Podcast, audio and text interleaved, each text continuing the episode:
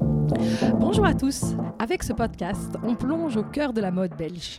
On échange avec des experts, des passionnés et on soulève deux questions. Que se passe-t-il dans la mode au-delà des images parfaites véhiculées par les réseaux sociaux Et puis, quels sont tous ces métiers qui constituent ce secteur si riche et dynamique Je m'appelle Astrid. En mijn naam is Lien. Ensemble, nous sommes derrière le podcast We Love Belgian Brands, le premier podcast qui parle de la mode belge. Alors voilà, tous les jeudis sortiront un épisode et une semaine sur deux en français et en néerlandais. Au creux de vos oreilles, on parle vrai, on raconte ce qu'est la réalité. Le but de chaque discussion, apprendre, échanger, inspirer. Belle écoute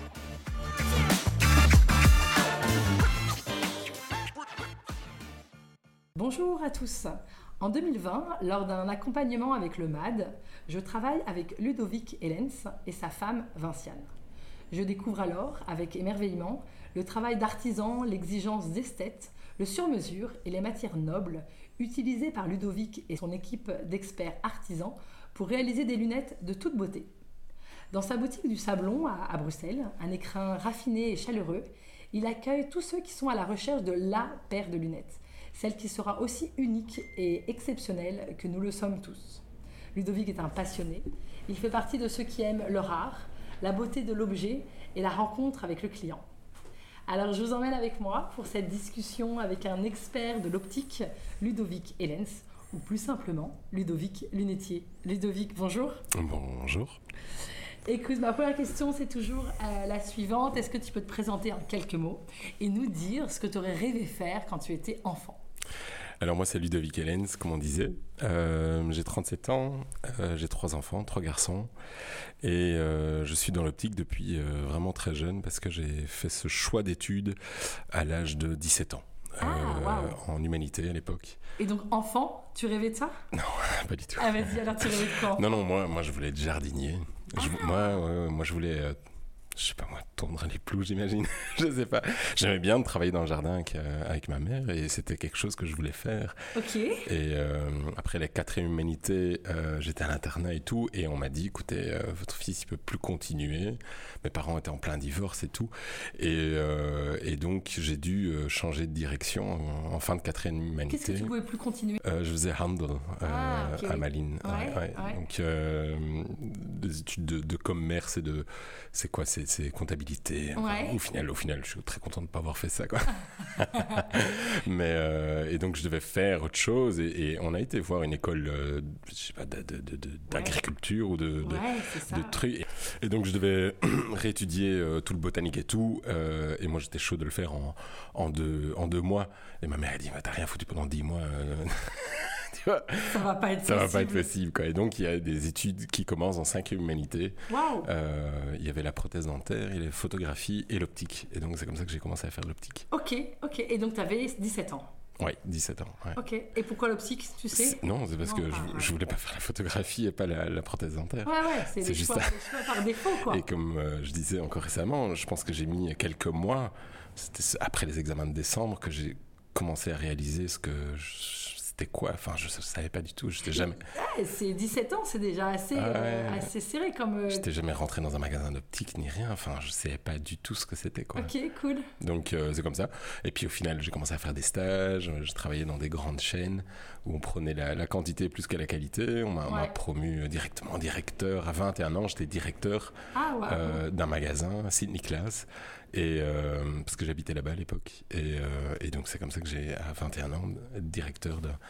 d'un- c'est- enfin, ouais, C'était du n'importe quoi, parce qu'à 21 ans, on n'a pas le Ouais. savoir-être. euh, Non, ouais. le savoir-être, c'est ça. Ouais, j'imagine. Et t'avais une équipe à gérer Ah oui, on était 9, 9 employés. Ah, waouh. Ah, ouais, à 21 Et- ans, tu gérais 9 ouais, employés. ouais. Et j'avais euh, et j'avais des students, c'était des copains qui venaient travailler, Ouais, bah ouais, bien sûr. qui, étaient- qui avaient mon âge, quoi. Ouais, bien sûr. Rien à- Ok, et c'était genre une grosse boutique avec un gros chiffre d'affaires mensuel à gérer. à gérer, Ah, ouais, ouais, avec des, Ouais, des- des, des- grosses des- des- responsabilités en fait. des chiffres à suivre et, et tout était tout était en- encodé quoi tu vois, tout ouais, en- bien sûr, des il process. fallait ouais, il fallait motiver tous les, les équipes de faire telle et telle promotion tu l'as pas fait pourquoi t'as pas fait ça machin euh, Ok, et Non, alors non. de cette expérience à ta propre boutique, s'est-il passé Alors, euh, ils m'ont gentiment demandé d'arrêter de travailler pour eux. D'accord. Euh, Et puis, euh, j'ai été vo- j'ai voyagé pendant un an. Ah, Euh, bonne idée. ouais. À 21-22 ans, donc. Du coup, non, non, j'avais fait ça trois ans euh, à 24, 25, hein, en 2010. Ok. Et Euh, 24 ans, ouais. Euh, t'as voyagé où Au Togo. Incroyable. Ouais, j'ai acheté une moto, s- euh, sac à dos, moto, et j'ai visité le Togo. J'ai travaillé dans des ONG. On a construit des puits euh, dans des villages reculés de Peul. J'ai enseigné l'anglais dans, une, euh, dans un lycée, dans un collège, avec 70 des classes de 70 élèves. Ah, waouh. Waouh. Plus jamais, plus jamais. f- oh non, euh, je pense que ça m'a bien dégoûté d'être prof. Ouais. Euh, et puis après, je suis revenu et là, j'ai choisi où j'allais travailler. Ok, c'est Donc, cool. J'ai envoyé 15 CV dans, chez des opticiens ici à Bruxelles. J'ai eu 15 réponses positives. Ah, waouh. J'en ai sélectionné 6. J'ai Attends, été... comment t'expliques ouais. Il y avait une, une vraie problématique Donc- d'offre et demande Ouais, ouais. Donc il n'y a pas assez d'opticiens. Ok. Il y a trop de magasins d'optique, il n'y a pas assez d'opticiens. Encore maintenant, c'est Encore maintenant. l'actualité Ouais, ouais, ouais. Ah, ok, C'est- c'est- intéressant. C'est très compliqué de trouver des opticiens Ok. diplômés, comment on dit. Ouais. Et, euh, et je suis trilingue. Et t'es trilingue. Absolument. Et, et- et être trilingue à Bruxelles, c'est. C'est la golden carte. Ça, c'est la- C'est la carte en or. Ouais, ouais, je sais, ouais, ouais, j'ai ouais. vu avec mon mari. C'est pareil. dingue, Ouais. c'est dingue, c'est dingue. C'est dingue. Et donc, euh, voilà, et, et c'est comme ça que j'ai commencé à, à- à choisir. J'ai fait des journées d'essai chez des opticiens pour voir comment était C'est intelligent, l'ambiance. C'est une bonne idée. Il y en a un qui m'a dit ça, ça se fait pas. Je dis, mais il n'y a aucun souci. Il n'y a aucun souci parce que j'ai. Ouais, bah là, on le fera pas alors. Ouais, c'est ça, Ouais. c'est ça, c'est pas grave. T'étais en Moi, Ah, J'en ai position plein. de quoi. Ah, force. hein. Force. Ouais, ouais. Et puis après, j'ai- j'en ai sou- monté l'un l'un contre l'autre, deux. Ok, Et puis c'est j'ai- cool. C'est comme ça que j'ai choisi, quoi. Et c'était quoi tes critères pour choisir l'un ou l'autre Euh, alors j'avais regardé les marques qui Mhm. distribuent, c'est comme ça que j'ai fait une sélection à la base. Et puis après, je voulais vraiment plus de, de grosses chaînes. Ouais. Euh, Et donc, est-ce qu'il te plaisait dans les marques qu'elles soient plutôt d'un haut créatif, niveau ouais, créative. Mhm. euh, mais j'avais sélectionné la marque belge Théo. Ah oui. Je sais que eux font très fort attention où ils placent leurs euh, D'accord. leurs lunettes. Donc, c'était un critère pour toi Ouais. que la boutique soit euh, le point de vente de Théo. Ouais. Ok. Et alors, euh, et alors aussi d'autres marques euh, qui un peu plus exclusives, un peu plus haut de gamme, quoi. Ouais. Et c'est comme ça que j'ai j'ai pu dire, voilà, Ok. on peut en déduire que l'opticien est sérieux, euh, enfin, qui fait de la Ah, qualité, quoi. Ouais, c'est ça. Donc, tu avais Euh, déjà en tout cas cette envie, cette recherche. De monter en cette gamme. qualité, de Ouais, monter en ouais. gamme. Et donc, plus de chaînes, plus de groupes, plus de... Ça, je voulais pas, quoi. Ouais, je Et comprends. donc, euh, et je disais non aux gens, quoi. C'était- ouais, je- c'est non, j'ai pas cool, envie, c'est j'ai pas sympa de savoir ça quand même. Voilà, ouais. Qu'est-ce que tu retiens de ton année euh, au Togo Euh, ben, je, en fait, euh, je me plains plus. Ah, waouh. Ouais, c'est, c'est que je, je me plains pas. Tout est bon, tout est bon, et tout, tout arrivera, Parce que vraiment, la vie est aussi dure là-bas que tu te dis qu'on a beaucoup de chance ici. mais d- d'une Mais force. évidemment. D'une force. Ouais. Ouais, ouais. Tu- J'ai- J'avais j'avais de l'électricité de 8h du matin à 10h. Du matin. Deux Ouais, heures. pendant 2 heures. Mm. Et puis euh, à midi jusqu'à 13h. Et à, je pense que c'était 18h jusqu'à 22h. Mm. Il y avait de l'électricité. En dehors de ça, il n'y a pas d'électricité. quoi. Il n'y avait pas de groupe. C'était un groupe pour le- tout le village. Mm. Rien que ça, euh, il n'y avait pas d'eau courante. Donc je pouvais pas boire euh, l'eau du puits. quoi. On se lavait avec de l'eau du puits. Enfin, moi, j'adore. Non, l'humilité et euh, ne, pas, ne pas râler, franchement. Ouais. Ouais, ouais c'est chouette. Et donc, d'où- tout de suite, euh, et donc, t'es resté combien de temps dans cette boutique Et alors euh, là-bas, je suis resté, euh, c'est quoi, 2011, 2014, ouais, 4 Euh, ans. Et là, en fait, c'était le même objet. On vendait le même objet que, que dans la grande chaîne. Ouais. C'est le même objet, mais c'était une approche mais tellement différente. Euh, c'était un indépendant qui avait deux boutiques. C'était c'était tellement plus chouette et euh, c'était un, un patron qui ne demandait pas et combien de lunettes t'as vendu aujourd'hui. C'est Ouais.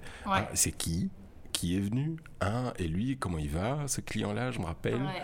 et c'était, c'était pas combien, c'était qui C'était, C'est Ouais. une drôle d'approche. Enfin, c'est totalement différent. Oui, oui, quoi. alors que dans la grande chaîne, c'était que le chiffre Ouais. qui comptait, le Que le résultat, chiffre, quoi. résultat. Ouais, ouais, ouais. Combien, Oui. de, combien de ren- euh, rentabilité, euh, ratio, euh, nombre de passages, nombre de ventes. Enfin, c'était Oui, oui, bien sûr. euh, des Ok. trucs comme ça, quoi. Et là, lui, Ok. pas du tout. Vachement.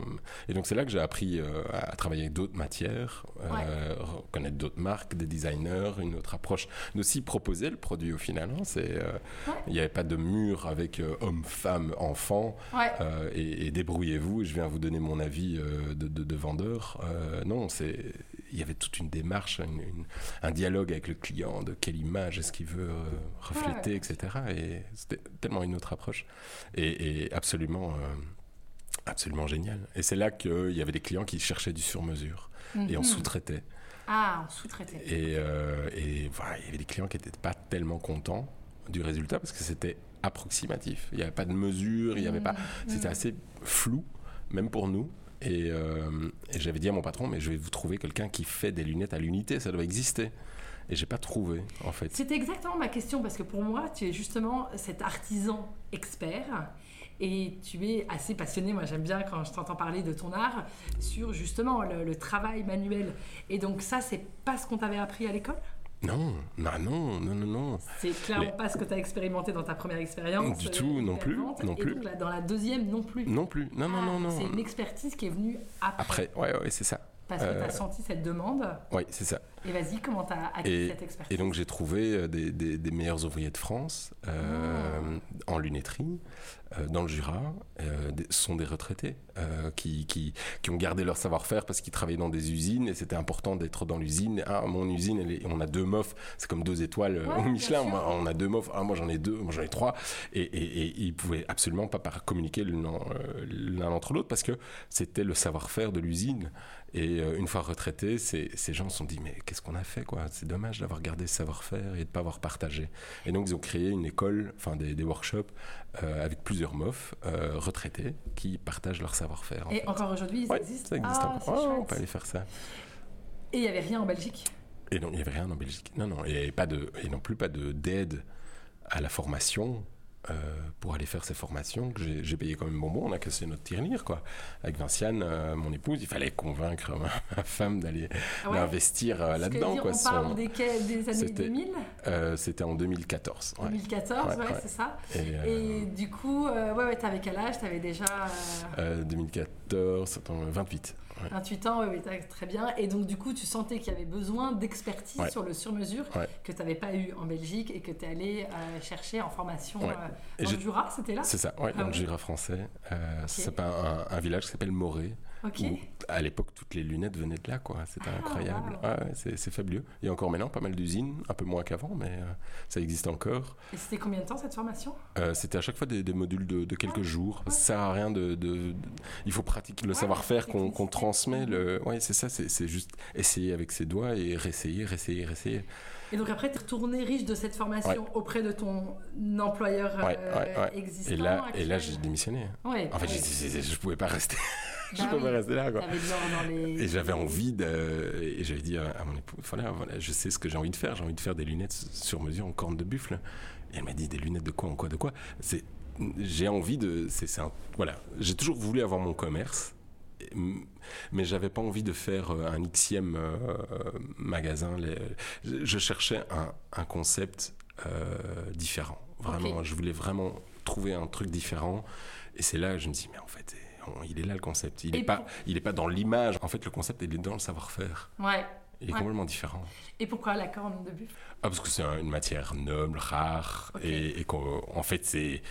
Les, les opticiens aiment bien le vendre des lunettes en corne de buffle, mais euh, ils, ils savent pas du tout euh, la, la travailler. Et c'est- Ouais. C'est juste parce que c'est cher que c'est chouette à vendre, mais il y a le nombre de clients qui reviennent déçus et, et qu'on rattrape euh, le coût. euh, c'est- c'est un- Il y en a beaucoup, quoi. C'est Ok. dingue, c'est dingue. Ok. ouais. Parce que l'opticien en, en N'a pas optique la- ne sait pas, n'a pas la technicité. Voilà, euh, il n'y a pas le savoir-faire. ouais, pas le ouais, ouais. savoir-faire. Ouais. Super.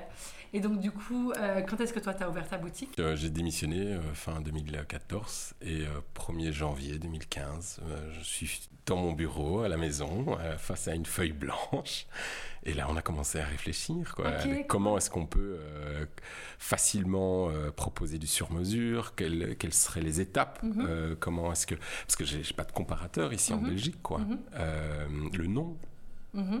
euh, moi qui suis bilingue, euh, c'était important d'avoir un nom euh, bilingue. Et puis, puis on est tombé sur Lunetier Ludovic. Et je fais, ah, mais c'est tellement. Ça passe quoi, ça clique. ça- Ouais, Il y a, il y a ouais, quelque chose qui, qui ouais. sonne bien. Ouais. Et, euh, et donc, je dis, bon, bah, Lunetier, euh, en flamand, on peut facilement introduire ça. Lunetier, ça passe. euh, chocolatier, ça passe. Chauffagiste, ça passe. Alors, Lunetier, ça passera aussi. j'aime bien. Et donc, on est resté sur Lunetier Ludovic, qui Ah. Ouais. est au final euh, très simple, sans, Ouais. sans jeu de mots, sans, c'est Ouais. juste authentique. Ouais. Euh, et le métier, Efficace. voilà, et le métier est dans le ce qu'on fait dans le, le nom du, Ouais. de la boutique, quoi. Ouais, absolument.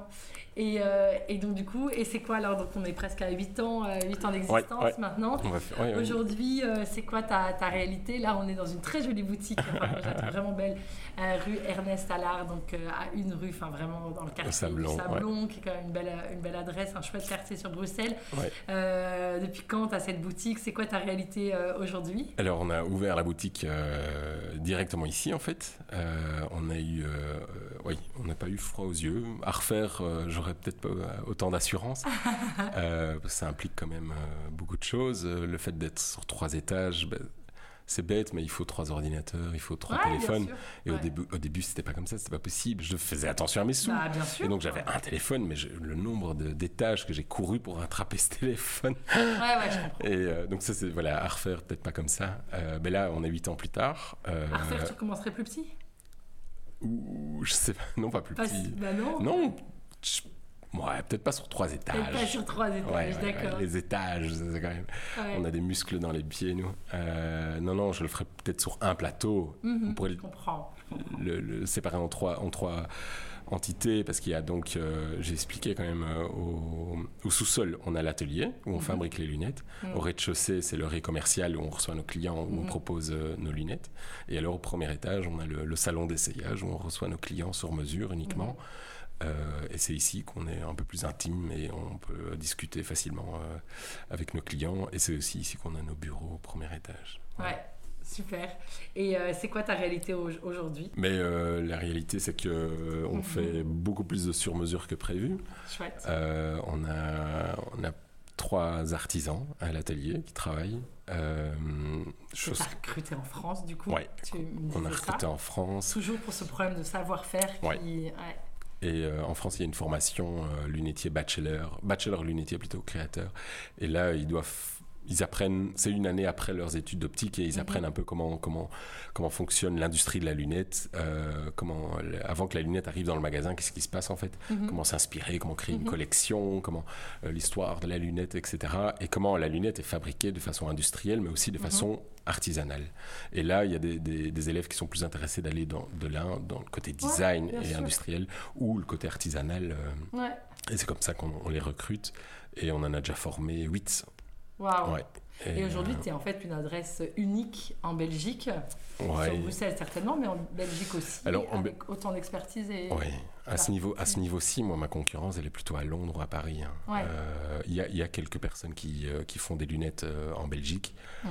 mais pas à- j'ai j'ai déjà eu plusieurs lunettes en main euh, voilà elles sont c'est un autre style hein, voilà le soleil il brille pour tout le monde hein. franchement il n'y a pas il y a pas de souci Ouais. Euh, moi je trouve qu'il y, a- il y a de la place pour tout le monde et alors voilà et chacun chacun a ses critères et chacun a sa façon de travailler et ses et ses, euh, et ses valeurs et, et, euh, le degré de finition euh, qu'on Bien sûr. s'impose ou pas et c'est ça qui est compliqué aussi hein, Ouais. euh, c'est- s'imposer euh, un niveau un niveau d'excellence, ben, ça veut dire qu'on doit recommencer, qu'on doit accepter, qu'on doit recommencer. ouais. Parce qu'on peut pas, on peut pas euh, décevoir le client, dire bon ben il aurait peut-être pu euh, polir un petit coup de plus. euh, jusqu'à Ouais. le- Ouais, bien sûr. il aurait, nous on pousse vraiment le bouchon euh, jusqu'au fond quoi. Ouais. C'est quoi les matières que vous travaillez Alors on fait des lunettes en acétate de cellulose, Ouais. c'est un polymère à base de coton, Mhm. une fibre de bois. Il n'y a pas de pétrole dedans, donc c'est pas un plastique. Attention. Ok. Ouais, ouais. Euh, C'est ça la différence entre voilà, des, des lunettes peut-être un peu moins chères euh, Bien sûr. de, de, de, de nos grandes surfaces et euh, de la, la lunetterie c'est en acétate de cellulose. Ensuite on fait des lunettes en métal, Ouais. euh, donc là, c'est plus une composition. Euh, donc on a des, des formes de ponts, on a des formes de, de- de- de- de branches et on va les composer et le client peut choisir. Bon, moi, je fais la forme. Ouais. Et c'est là où on fait même du upcycling, madame. Ouais. Oui. Très bien. Donc on, on va ici dans les marolles et alors on trouve des vieilles lunettes euh, un peu plus grandes et alors c'est comme ça qu'on dessoude alors les, les- les Ah. composants de, de la lunette et on récupère alors pour euh, Ouais. recréer euh, une, une nouvelle lunette. Euh, donc ça c'est le métal. Ensuite on fait des lunettes en corne de buffle. Euh, donc là on est de la- sur de la corne, de la matière naturelle, c'est de la kératine. C'est Ouais. la même matière que nos ongles et nos cheveux. Ok. Et là, euh, c'est un allergique. Et Ok. euh, super léger et, et- et, euh, Et résistant. et résistant Mhm. et, et- et flexible en fait. C'est ça Ok. aussi que c'est important. Mhm. On fait des lunettes en bois, en Mhm. plaquage de bois. Euh, on fait des lunettes. euh, c'est du plaquage de bois que j'ai racheté à un gars euh, en fin de carrière à Gand. Ouais. Lui, il avait acheté à début de sa carrière à Liège, un Liégeois, et le Liégeois l'avait acheté au début de sa carrière à un Parisien. Et donc ce bois a plus de 100 ans. On a trouvé des Wow. découpes de journaux, du désarmement du Reich. Ah. Ouais, et marqué en grand, le désarmement du Reich. Ouais, ça fait longtemps qu'on n'utilise plus ces termes-là. Ah non, en effet. Mais du coup, Et, euh, et c'est un bois qui a une spécificité. une- Alors c'est du, c'est du, déjà c'est du bois de- ultra sec, tellement vieux, Ouais. et euh, d'une qualité. Moi, je m'y connaissais pas à l'époque, hein, donc euh, c'est quelqu'un qui m'a dit ça. C'est d'une qualité incroyable. C'est du bois scié, c'est du bois, euh, c'est des, beaucoup de, de fruitiers, mais on a aussi du, du bois de euh, des, des bois, des bois rares qu'on peut plus commercialiser maintenant. quoi. C'est ça qui est Ah, fabuleux. wow. Ouais, ouais. Ok. Et puis après, on fait des lunettes en or massif. Ouais. Et euh, donc là, il faut pas or massif, ça veut dire que c'est du or plein. C'est pas massif sur la Non, je comprends. sur le visage, mais c'est euh, on est sur une lunette à 19 grammes. hein. Ouais. On arrive à trouver un, un système de de, de- de composition très euh, très légère, mais on est sur du 18 carats. Ok. Et puis après, on fait des lunettes en écaille de tortue. Et ça, c'est le must, euh, l'ultra must, Ok. euh, donc qui est aussi de la kératine, Ok. qui est réglementée. On travaille avec un, un écailliste. Ok. Et, euh, et là, voilà, on, on est dans une autre catégorie de, De prix aussi. de prix et de matière, oui. Ouais, mais tu vas nous en parler parce que ça m'intéresse. Mais donc l'idée c'est de co-créer avec le. hum, Toi, t'estimes que t'es un peu designer, que tu dessines Alors, le- non. la lunette. Ouais, alors, je suis pas designer. Ouais. Euh, moi, je suis l'artisan qui va euh, matérialiser euh, votre lunette idéale dans votre cerveau, Mhm. Ok. qui est dans vos idées. Et les clients arrivent avec des idées. Pas souvent. Ouais. Il y en a qui, mais c'est intéressant de savoir ce qu'on aime, n'aime pas. Ouais. Euh, mais c'est plus facile quand quelqu'un sait exactement ce qu'il veut. Mais Ok. après, c'est très chouette aussi d'avoir des, une liberté artistique. Mhm. euh. et donc là, on, on va prendre 15 mesures sur le visage. Je prends une 15. photo. Ouais. Ah. Ok. Donc rien que la forme du nez, il y en a 3-4. Euh, la largeur du visage, la longueur des branches, euh, positionnement de l'arête du nez vis-à-vis des, Mhm. des yeux, tous ces petits paramètres qui, qui, au départ, il y a 8 ans, on faisait pas 15 ans et à mesure. C'est simplement au fil des années, on s'est dit tiens, pourquoi cette lunette de nouveau elle se met mal chez ce client-là quel est le paramètre Ah oui, c'est ça. Et Est-ce qu'on ne pourrait pas le mesurer, l'inclure Comme ça, au moins, on fera plus cette erreur-là. Ah. Ok. Et c'est vrai qu'au début, je pense qu'il y avait six mesures. Ah, Ouais, wow. ouais, on, a, on a complètement euh, explosé les mesures, mais à chaque fois pour avoir le- perdre le moins de temps avec Oui, le bien client, sûr. qu'il ne soit pas déçu, qu'il ne doit pas revenir parce qu'on s'est trompé de, de X millimètres. Oui, euh, une exigence poussée ouais, c'est encore ça. plus haut pour arriver à un, à un objet euh, Voilà. au plus parfait et au plus euh, ah ouais, qui, qui, adaptable. qui fasse un effet de ventouse quand le client Ouais. le met, quoi. Ouais, ouais, ouais. Qui est un Ah, Le vide seconde d'air. peau. Ouais, ouais, ouais, ça c'est Ouais, l'idée. ouais. Ouais, je comprends bien. C'est le- notre objectif. en tout cas. Super. Et alors, euh, combien ça prend comme temps Combien ça coûte C'est quoi la réalité d'un d'un client qui voudrait demain Alors, une monture euh, globalement, on dit trois mois. euh, et on essaye de, de- de- de- de le faire plus vite, évidemment. Euh, je demande deux semaines pour les dessins. Donc, les dessins, ça veut dire que je dessine à échelle et puis je fais des prototypes Mhm. en carton. Et le Mhm. Mmh. client vient une deuxième fois pour essayer les, les prototypes en carton. Ok. C'est de l'impression en 3D c'est un Euh, Non, truc- juste Ah, c'est- en carton. Ouais, Ouais, je cool. les découpe au laser. euh, Ok, cool. Donc ça, c'est deux semaines. Et puis après, la production. Et puis donc, généralement, on est sur trois mois. Et le client paye en plusieurs fois s'il veut. Parce qu'on Ok. se voit quand même euh, trois, quatre fois. Ok. Euh, et alors, le prix est- dépend, dépend de la monture, en Mhm. fait, de la matière que vous allez Mhm. choisir. Donc on commence, je veux dire qu'on commence à, à, 1000 à 1700 euros Mhm. pour une lunette en acétate sur mesure. Mhm. Qu'elle soit ronde ou carrée, je fais un forfait, c'est beaucoup plus simple pour moi, ça- j'ai pas envie de passer mon temps à faire des devis. Mhm. Et donc j'ai décidé de faire un forfait, dire voilà, la lunette sur mesure, elle est à 1700, qu'elle soit grande, petite, ronde euh, ou Mhm. carrée, rose ou bleue, Mhm. euh, c'est le même prix, c'est beaucoup plus simple pour tout le monde. Ouais. Et au moins je je veux pas me passer mon temps à faire des devis, Ouais. aucune envie. Il faut se préserver. hein. Ouais, ouais, ouais, il faut savoir se concentrer. Et jusqu'à quel euh, montant euh, Euh, eh ben, là, on en a fait une à 39 000 euros. Ah, waouh Ouais, Ça, ouais. c'est un sacré Là, elle est- prix. on est dans un autre budget. quoi. Ok, mais ça, c'est exceptionnel quand C'est même. exceptionnel. Ok. ouais. Sinon, le prix moyen, c'est quoi 3-4 Le- 000 Ouais, ouais, Avec les verres, on est plutôt euh, Ouais. autour de 3, ouais, trois Ouais. et demi, 4. ouais. Ok. Et euh, qui sont les clients Et est-ce que tu as des, des anecdotes à nous raconter sur le sur-mesure Euh, oh, il y a des. Qui sont les clients Mais on a, on a plusieurs clients. hein. Il y a des, des clients qui viennent pour les looks. Ouais. J'ai besoin de, de lunettes euh, cool parce que je suis cool. Genre Euh, personnage public ouais. euh, ouais. J'ai- ou- ouais, c'est ça, j'ai besoin de faire attention. euh, je suis avocat ou euh, je dois pas être euh, trop sévère. Je suis prof euh, ou, ou- ou une psychologue qui nous avait dit ça. Je, je dois pas avoir l'air trop sévère, quoi. Ouais. Je dois pas être jugeante. euh, ou j'ai une médecin comme ça, qui avait des- des- une dame qui avait des sourcils très prononcés. Elle dit Euh, Aidez-moi à f- À cacher à cacher et être un peu plus jovial, quoi, un peu plus sympa au premier abord, parce que je suis sympa. Mais au premier abord, les gens sont impressionnés par mon, mon regard, en fait, qui Ouais. est dur. Ouais. Et euh, ah, voilà, Ok. donc on a trouvé des lunettes un peu plus, un peu plus colorées, un peu plus rondes, un peu plus douces. Et, et voilà, c'est- elle est super Ouais. contente. Et elle en a fait plusieurs paires, donc voilà. Ouais. Euh, on a des, des personnalités. euh, Extravertis, des gens qui veulent Ouais. aussi des pièces que personne ah n'a ouais, volées. non, ça c'est sûr. On a une dame comme ça, 75 ans, elle dit Ouais, ah bah j'ai déjà tout eu, hein, une ronde, une carrée, une triangle. Elle commence à citer comme ça toutes les formes qu'elle connaît. Je fais, Ah bon. Là maintenant, je veux ma forme. Ah Je ouais. fais, ah ouais, alors. Un enfin, pixel à ok. Iris Apfel, Ouais, ouais, connu ouais, ouais. euh, pour ses lunettes, quoi, qui a vraiment Dingue, cette ouais, ouais. excentricité-là. Alors ça, c'est des gens qui sont tellement liés à leur image, tellement liés à leur objet, elle peut pas changer, quoi. Ah oui, c'est son identité. Ouais, ouais, ouais. Et là, il y a aussi pas mal de gens qui reviennent pour le même modèle que je portais il y a X années, parce que c'est je- c'est mon image, Et alors, pourquoi ils reviennent parce que leur lunette est cassée. Ah oui, ou, ou leur vue baisse. et la vue baisse, Oui. ou que c'est tellement démodé de façon. bah, par exemple, une petite rectangulaire, comme dans les années 2000, Ouais. ça se trouve plus en commerce. Bonne chance pour trouver une petite rectangulaire. Ah, ok. Et donc, ça, sont des- par exemple, Mais typiquement, eux, c'est leur identité, Voilà, ils je- se sentent. je veux euh, des petites rectangulaires. Et, Donc on- ils les font faire chez toi. et alors, on fait des sur-mesures. ouais, Ok, ouais, ouais. ok.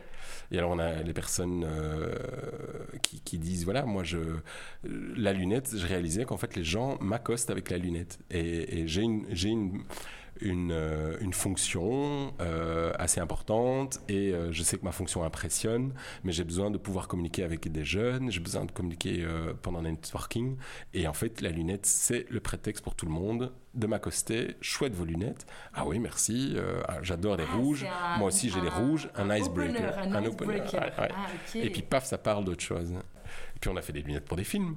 Euh, Ah, qui raconte. nouvelles, euh, des, des- c'était un l'acteur était déjà client chez nous et il a cassé le sur le set le- les lunettes et euh, ben, il disait bon ben on peut pas refilmer tout avec Ah, des mon autres Dieu. lunettes Ah on oui. peut pas au milieu du film faire changer le gars de lunettes c'est pas ça se fait pas c'est pas logique même si dans la réalité ça pourrait que Oui, oui, quelqu'un mais t'as change de raison, lunettes t'as raison, mais c'est lui on peut compliqué. pas quoi et donc il nous faut la même Ah, mais du coup, t'as dû la faire très rapidement. Ouais, ouais, il nous l'a fait Probablement. la semaine et la, la- la prochaine scène, c'est dans 7 jours. Je suis là, ah, d'accord, ouais, Ok. on y va, Ok. on y va. Autre prix, du coup. Ouais. Peut-être. Où on a fait le- les lunettes de Zillion, le film Zillion euh, en, F- en Flandre, sur Dennis Black Magic, Ok. qui porte des lunettes assez spécifiques. Ok. Et en fait, c'est nous qui l'avons fait. Mais vu que je voulais pas être trop associé à l'image, on était le sous-traitant de Hélène de Monk, euh, Odette Lunettes. Ok. Et donc j'ai gardé ça comme ça, j'ai dit, moi je suis content. euh, Ah. Ok. le gars- ok. Tu feras la pub et elle a fait énormément. Elle a fait un coup de pub euh, qui était génial. Elle avait raison de le faire, mais moi je voulais pas être associé euh, Ok. à ce film. D'accord. Mais c'était chouette. Ok, super, euh, super chouette. Et t'as aussi, si je me trompe pas, euh, des clients avec des physionomies atypiques. euh, Évidemment. qui- ouais. Oui, parce que le sur-mesure, c'est aussi. euh, Ouais. Donc on fait des lunettes très grandes. Ah ouais, ça, c'est. On en fait des, des- des Et gigantesques. parce qu'en fait, c'est des gens qui ont une grande tête et qui ne trouvent pas leur euh, bonheur dans Ouais. le commerce. En fait, dans le euh, commerce, c'est one size fits all. C'est pour tout le monde la même taille, quoi. Un peu, ouais. C'est, euh, Il y a quelques marques qui font un modèle un peu plus large, un modèle un peu plus fin, mais généralement, elles ont toutes un peu les, les- les tailles standards, quoi. Ok, passionnant. Euh, et d'ailleurs, euh, si euh, je me trompe pas, tu vends euh, à Genève, à Londres, Ouais. à Dubaï. euh, Voilà, Ton ça, c'est le, expertise euh, s'exporte. Ouais, c'est ça. c'est- le- c'est- c'est- En fait, la, la Belgique, elle est un peu petite. hein. Euh, Bah si oui. je tapais un peu dans le, le haut de gamme comme ça. T'es déjà euh, très niche. Ouais, ouais, c'est Ouais. déjà très niche, donc il faut aller. Voilà, la boutique elle est là, j'ai j'ai les employés qui gardent la boutique et là, moi, moi je, je voyage pour aller chercher ces clients. Parce que, voilà, ou bien, ou bien je reste ici et je les attends. Ouais, c'est c'est long. Voilà, on fait beaucoup de communication, beaucoup de pubs, machin, euh, ce qui n'est pas mon dada. Ou bien, euh, voilà, je prends, je prends mes valises et je vais, euh, j'organise des événements euh, à, à l'étranger. Donc là, on va à Genève, on va à Dubaï euh, et Londres. Ça, c'est les trois grosses destinations qu'on fait pour l'instant. Ouais. Et il faut développer, au fur et à mesure, un, un petit réseau. Comment ils quelque te chose. trouvent, euh, les clients Euh, c'est du bouche à oreille. Ouais, Parce que, par exemple, pour Dubaï, je fais pas de pub. Euh, impossible de... de- ouais, d'être- ouais, comment cibler Comment ça cibler ça ouais, ouais. Ouais. Et donc moi, c'est vraiment le client final euh, que j'ai. Donc c'est la, le- la WEX ou le Flanders d'ici. Ouais. Ils savent pas trop m'aider parce que Non. eux, ils n'ont pas de, cli- de, de contact de clients particuliers. Non.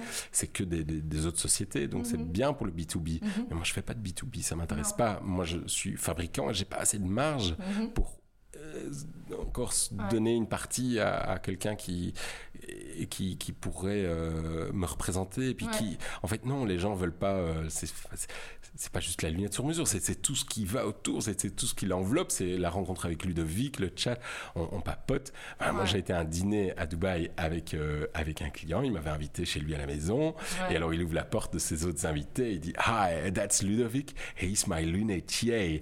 Uh, it means glasses maker in French. Ah, il était fier comme Artaban. Ouais, C'était évidemment. génial, c'était génial. Ouais, Ah, bien et lui, sûr. et alors, du, du coup, avec ces, ces quatre autres personnes, j'ai papoté, on a, par- on a parlé lunettes. Ah Ouais, Eh ben, c'est oui, super. un, un des quatre, c'est client. Et puis après, euh, voilà, maintenant, moi, j'ai les numéros de ces quatre-là. Et donc, voilà, peut-être que je sais que c'est peut-être- c'était peut-être pas le bon moment. Peut-être que cette fois-ci, oui. Puis je l'envoie. Est-ce que vous voulez me voir Bien sûr, bien euh, Est-ce que- sûr. Est-ce que vous êtes intéressé Voilà, par j'ai- les Et j'ai des lunettes nouveaux trucs. Je dis toujours que j'ai des nouvelles choses. Ouais, ouais, donc, Ah, bien j'essaye sûr. de, de- Il dit. Et euh, t'as des gens qui achètent plusieurs paires de lunettes Évidemment, ouais, Ouais, ouais, c'est ouais, sûr. évidemment. Une dame ici en boutique, elle avait, mais elle avait acheté du prêt-à-porter parce qu'on fait aussi du Mhm. prêt-à-porter. Et elle a- il y avait une, une quinzaine de lunettes sur la table et elle me dit c'est bon. Et j'ai dit, quoi c'est bon Elle les prend Je dis, toutes. il faut- il faut décider maintenant madame. Ah Non non je prends tout. Et je fais mais non. Chut. Ah, c'est cool. Ouais non ça arrive. Ah, Ça arrive, ouais, c'est chouette. Euh, là, tu viens de citer une cliente femme. Sinon, tu as plus de clients hommes. Oui un Je tout me petit peu. trompe. Ouais, Ouais. hein. ouais, un tout petit peu. Ouais je pense qu'on est à 60% d'hommes. Ouais, Ouais, pas tant que ça, en fait. Non non c'est pas J'aurais j'aurais un pensé peu plus. plus. Ouais. Et donc, du coup, euh, c'est quoi justement, toi, tes challenges euh, aujourd'hui Donc, euh, le développement international ou... Mhm. Ben là, euh, en fait, j'ai réalisé qu'on commençait à être un- une sérieuse structure. hein. Ouais. Euh, on a des coûts fixes quand même euh, élevés. Je parle du magasin, je Ouais. parle euh, des, des trois employés, je parle. Mhm. Et euh, donc, moi, je réalisais qu'avec mon background euh, d'artisan, avec mon background. J'ai peut-être pas le côté financier ou la gestion. Et donc là, on a décidé de- d'engager un, un directeur, en fait, Ouais. qui vient euh, plutôt gérer la marque, en fait. Ouais. Euh, parce qu'on est devenu une marque et la philosophie Oh, pas la philosophie, mais plus la, la vision de la marque. Mhm. Euh, et et j'avais besoin de discuter avec quelqu'un et de, de Ouais. libérer mon épouse euh, qui, qui m'aidait, mais qui n- c'était pas son. c'est- Travailler pour Lunetti et Ludovic n'était pas sa passion, c'était Ouais. pour libérer du temps pour Ludovic, comme ça Ludovic peut rentrer plus tôt et se- et- et s'occuper des enfants. Ouais, ouais. Et donc, si je peux euh, consacrer quelques heures pour Ludovic, bah, ça veut ça veut dire qu'il Ouais, est rentré un je peu plus tôt. récupère mon quoi. mari, Ouais, quoi. ouais, c'est ça Ouais, et le c'était père. plutôt cet objectif-là. Ouais. Et, euh, et donc, elle non plus n'avait pas ce background financier et, et de gestion. Et donc, on avait besoin de, de- de- d'un peu plus structurer euh, l'unité Ludovic. Parce que c'est quand même. C'est, Jusqu'à présent, tout s'est bien passé. hein. On a fait au feeling. euh, c'est vrai qu'on a fait des, des- des petites casses, enfin, des petites gamelles, mais euh, on a toujours été au feeling. On le fait, on le fait pas. euh, Ouais. Mais là, euh, là, je pense que ça commence à être un peu trop. euh, Il y a trop de personnes qui dépendent Ouais, je euh, comprends. de, de mon feeling entre parenthèses quoi. Ouais. Ah ouais. Et donc si, euh, si je me plante sérieusement, ben, il y a quand même trois employés qui... Ouais, euh, Faut structurer ça, quoi. qui- c'est dan- je trouve ça un peu dangereux et je réalise que j'ai une responsabilité vis-à-vis d'eux. Ouais. Et donc c'est pour moi important de, de, de devoir structurer un peu plus. Et donc Ouais. euh, voilà, on a engagé quelqu'un qui, qui gère plus euh, le côté financier et, le, et, Super. la, et la gestion. Quoi. Ah ouais. Donc ça c'est c'est très excitant parce qu'on Ouais, vient de c'est- commencer. Ouais, C'est une vraie, euh, c'est une vraie, un vrai milestone, une vraie étape, euh, étape de plus. tout à fait. De, de quoi t'es le plus fier quand tu penses à ces dernières années Euh, je bah, vo- voir son nom euh, dans un Ouais. générique de film, c'est quand même sympa. Ah ouais, ouais, ouais, je trouve aussi. Euh, Il y a un client qui avait un, un petit souci sur ses lunettes et il dit bon ben je vous l'envoie. Et le jour après, deux jours après, elle était déjà là. Je dis comment vous avez fait Ah mais avec la, vali- la valise diplomatique, monsieur. Donc mes lunettes voyagent en valise diplomatique. Ça, c'est la classe aussi. Ça change dingue, j'avoue. Ah. Euh, oh, on, a, on, a, on a fait des, des trucs techniques aussi. hein. On a participé à des concours euh, Ah, chouette. euh, basés sur la technicité. euh, et là, on avait fait quand même une belle, belle lunette. On n'avait on n'avait pas gagné parce que Ok. c'était le prix du public. Quoi. Les, gens, euh, les gens devaient voter, mais je pense pas que tout le monde comprenait ce qu'on avait fait. Et C'était Ouais. le- la technicité derrière qui était dingue. Et peut-être le style aussi. On avait fait un, un style peut-être trop art déco. Ok, Euh, intéressant. que la Belgique aime bien, mais, mais c'était peut-être pas euh, Ouais, parce que le public- opportun euh, ouais, à exporter euh, en France. C'était à Paris le concours. Ok. Et, euh, et donc on avait fait une, une abeille avec des ailes, avec euh, plusieurs matériaux. et C'était c'était peut-être un peu trop art déco. ouais, ouais. Chouette, mais toi t'en étais fier et c'était Ouais. une vraie prouesse technique. Ouais, et c'est ouais, déjà ouais, ouais, super. c'est ça quoi. Et puis elle a été vendue. à- Ah. à un gars, ouais, ouais, un gars, un collectionneur l'a vue, il a dit je la prends, je la veux quoi. Et Chouette. je dis mais je connais pas le prix bah, Dites-moi le prix. Je, je... Ah ouais, donc Bah, bah, là, bah, du bah. coup, on calculait un peu tes heures. Ouais, euh, ouais. Donc là, on était, on a regardé avec l'équipe euh, Ouais. comment- et puis on a, on a décidé d'un prix, quoi. Ouais, Ah, ouais. super. à fond. ouais. Euh, et d'ailleurs, la paire à 39 000 euros, euh, pourquoi Que- qui- qui est pas C'est ça ah oui. Donc ça, c'est un. Mais c'est la première fois où on fait Les vraiment diamants. un partenariat. Voilà. Ah, voilà. un partenariat avec la maison Manalis, euh, Mm. une grande joaillerie ici, euh, boulevard Waterloo, avec Moïse Mann, euh, qui lui aime bien de- de- d'adapter la joaillerie, mais dans d'autres, euh, voilà, d'une autre façon. Et Mm. donc, il m'avait, euh, on avait regardé ensemble ce qu'on pouvait faire ensemble. Chouette. Et donc, on a fait des dessins. Et ce qui est vraiment chouette, c'est qu'il est à deux rues d'ici. Oui. Donc les dessins, on on a fait des allers-retours euh, et même le prototype. euh, une fois, lui il disait mais non, on fait pas de prototype. Je dis moi je, moi, je fais un prototype.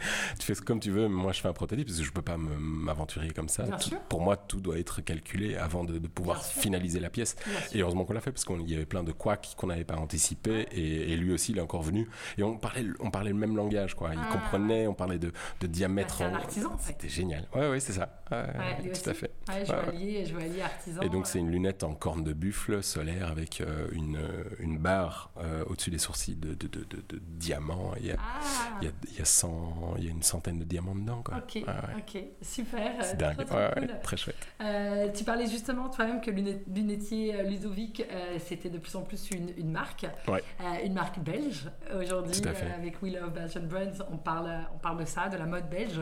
Euh, Est-ce que pour toi c'est important et qu'est-ce que ça voudrait dire Alors, non, pour moi, c'est c'est une fierté de, de, de dire Ah oui, on est une marque. Mais en plus, elle est faite ici, quoi. Ouais, Vous êtes sur Euh, Made in Belgium. Ouais, euh, Ouais. ma- made ici Sablon, quoi. Made in Ernest Ouais. Allard, quoi. Ouais.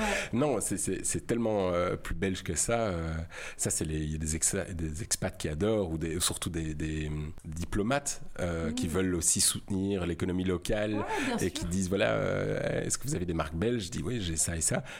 Mais on a ça. Nous, on fabrique ici. C'est- c'est- Ouais, là, c'est c'est chouette. pur local, quoi. Parce qu'il n'y a pas de fabricant de lunettes en Belgique. Il n'y a Ouais. personne qui fabrique euh, Ouais. à, à échelle industrielle en Belgique. C'est plus possible, quoi. Il y Et a- à l'export, ça t'aide C'est un- alors à un argument l'export, euh, non, parce que c'est plus le, le côté artisan qui. C'est pas que je sois ici en Belgique ou, ou en Finlande, je pense que euh, j'aurais fait le même, euh, la même sensibilité euh, de- Ouais. de, et le, le client cherche une relation avec Je le- comprends. le- l'artisan, que ce soit lui ou un autre, euh, tant que ça fit, euh, c'est ça qui est important. Ouais. Euh, non, et puis je pense que le- la Belgique est un, comment dire, un, un croisement de différents euh, gros, grosses influences. Euh, on a la rigueur allemande, on a l'esthétique euh, français et euh, on a aussi l'esthétique euh, anglais. Et puis je pense qu'on a été influencé tellement, euh, les- la Belgique a été tellement secouée dans tous les sens Mhm. qu'on est, euh, comme Bruxelles est tellement euh, architecturalement parlant, éclectique, euh, que, que le, le- le belge, la vision du belge, euh, la- le design belge est tellement...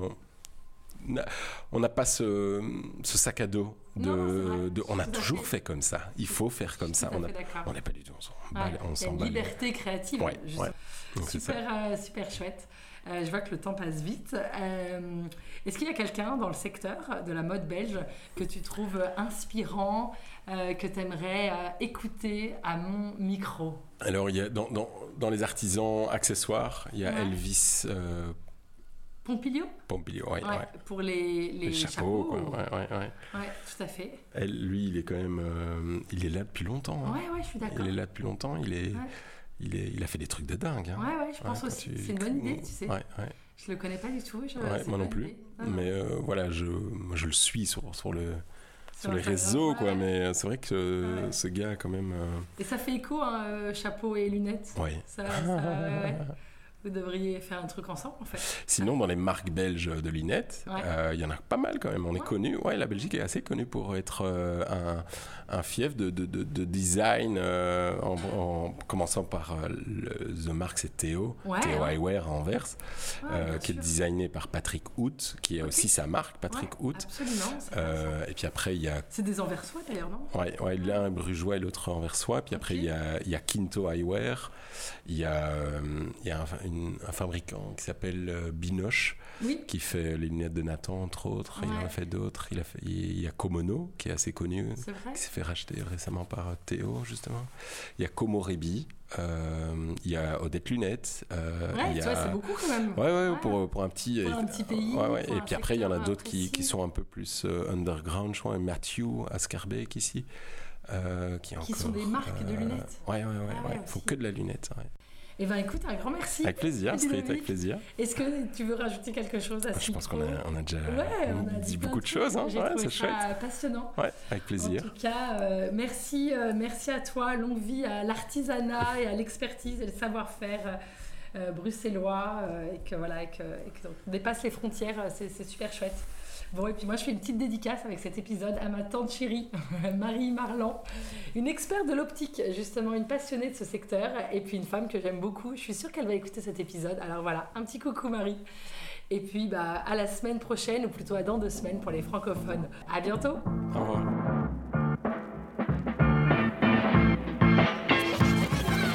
Merci beaucoup d'avoir écouté cet épisode jusqu'au bout. J'espère qu'il vous a plu.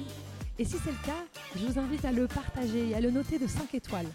Ensemble, diffusons les histoires inspirantes et les conseils précieux des entrepreneurs qui constituent la mode belge. Et si vous voulez en savoir plus, rejoignez-nous sur Instagram, we love Belgian Brands underscore podcast, et aussi sur LinkedIn, sous les pages astrid.lefebvre et Lindegram.